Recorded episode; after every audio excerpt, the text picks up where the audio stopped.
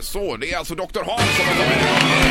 Vår egen husdoktor. Ja, välkommen eh, doktorn. Tack. Ska vi börja med den här myggsmittan k- kort bara Hans? Ja. För det står om det i tidningen. Dödlig myggsmitta kommer till Sverige. Eh, Frågan är inte om svenska myggor kommer att sprida West Nile Fever virus, utan när står det. Ja, jag tror väl inte att de kommer så, att bli så stor stak i Sverige. De finns ju i Serbien, nere i, alltså nere i Europa. Och varför skulle de hitta ända hit upp? De är ju inte naturliga här. Eh. En är smittad i Sverige som kom från Serbien. Så att, Ja, just det.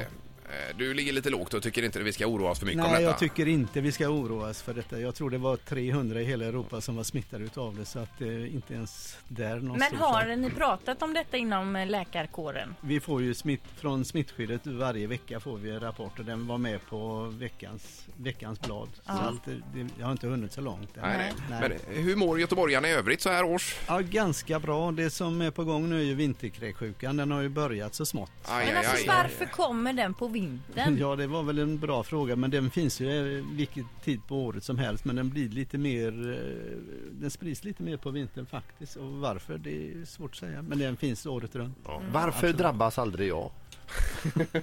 Du kanske håller dig ren och fin. Ja, men alltså, är, det, är det så att en del är, är, är lättare mottagliga? En för- del är ju mer mottagliga än andra. Och, och särskilt när man är på dagis och där, det är ju hemskt lätt att man sprider bland andra. Så att det, gäller, det är ju handhygien i stort sett som gäller nu. Men då är det tvätta händer som gäller. Den här handspriten biter inte på vinterkräksjukan. Nej, det är vanligt tvål och vatten är betydligt bättre. Det är det, Så ja. handspriten, visst är det bra, men eh, för tvål och vatten. det, det känns ju fräscht när man har haft eh, handsprit. Absolut. Ja, ja. Det är... Man vill helst duscha i handsprit innan man har varit inne på dagis och hämtat barnen.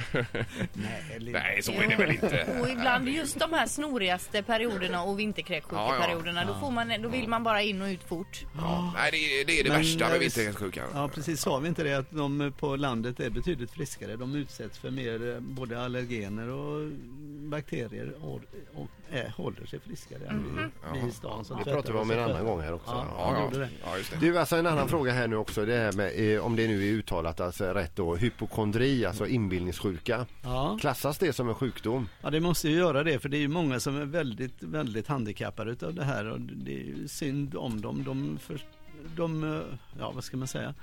De tror att de är sjuka hela tiden. De tror de är sjuka hela tiden och det är ju på riktigt för dem va? Ja, ja. Det är hemskt. Men kan man inte bli trött som doktor när det kommer, nu kommer den här igen och man vet att det inte är någonting. Och det spelar ingen roll vad man säger. Jo, nej trött blir man inte för man förstår ju att de har ju bekymmer med detta. Så Men ska man kanske gå till en psykolog istället då eller? Egentligen borde man ju göra det för att klara upp det här med sig själv. Mm. Men vad kan det vara för symptom på det så att säga? All, alla, alla. Allt möjligt. Men det är väl det att vi, kan- vi, det kan vi inte få eh, psykosomatiska symptom alltså, där vi, där vi tror att vi har någonting och då, då har vi känningar utav det. Ja, det har, det har man ju. Om man då går och känner efter så visst, och man googlar på allt möjligt och det mesta stämmer ju. Om man inte har full, eh, om man inte är påläst Mm. Mm. så hittar man ju symptomen hela tiden. Och det finns ju de som är opererade massor med gånger. De kommer in och simulerar symptom höll jag på att säga. Det menar jag inte för, för dem är det ju verklighet. va? Ja, just det. Ja, ja, ja. Münchhausen syndrom kallas det för och det, de har Okej. gått igenom massor med operationer. Aj, aj, aj. Eh, Men det här med att alla sitter De hemma. är inte så många, men ut- utan det är ju de här, Ja. de vanliga som... Ja. Men då, eh, man sitter ju ofta hemma som du säger med Google där och så kör man och skriver man in någonting och så får man eh, svart på vitt att man mer eller mindre är döende. Det är ju inget bra alltså. Nej, det är ju inget bra. Nej. Det är ju därför vi går, går och läser i fem och ett halvt år och inte bara googlar. Ett poddtips från Podplay. I podden Något Kaiko garanterar östgötarna Brutti och jag, Davva, dig en stor dos skratt. Där följer jag pladask för köttätandet igen. Man är lite som en jävla vampyr. Man har fått lite blodsmak och då måste man ha mer. Udda spaningar, fängslande anekdoter och en och annan arg rant. Jag måste ha mitt kaffe på morgonen för annars är jag ingen trevlig människa. Då är du ingen trevlig människa, punkt. Något Kaiko, hör du på Podplay. Därför arkadeinerna.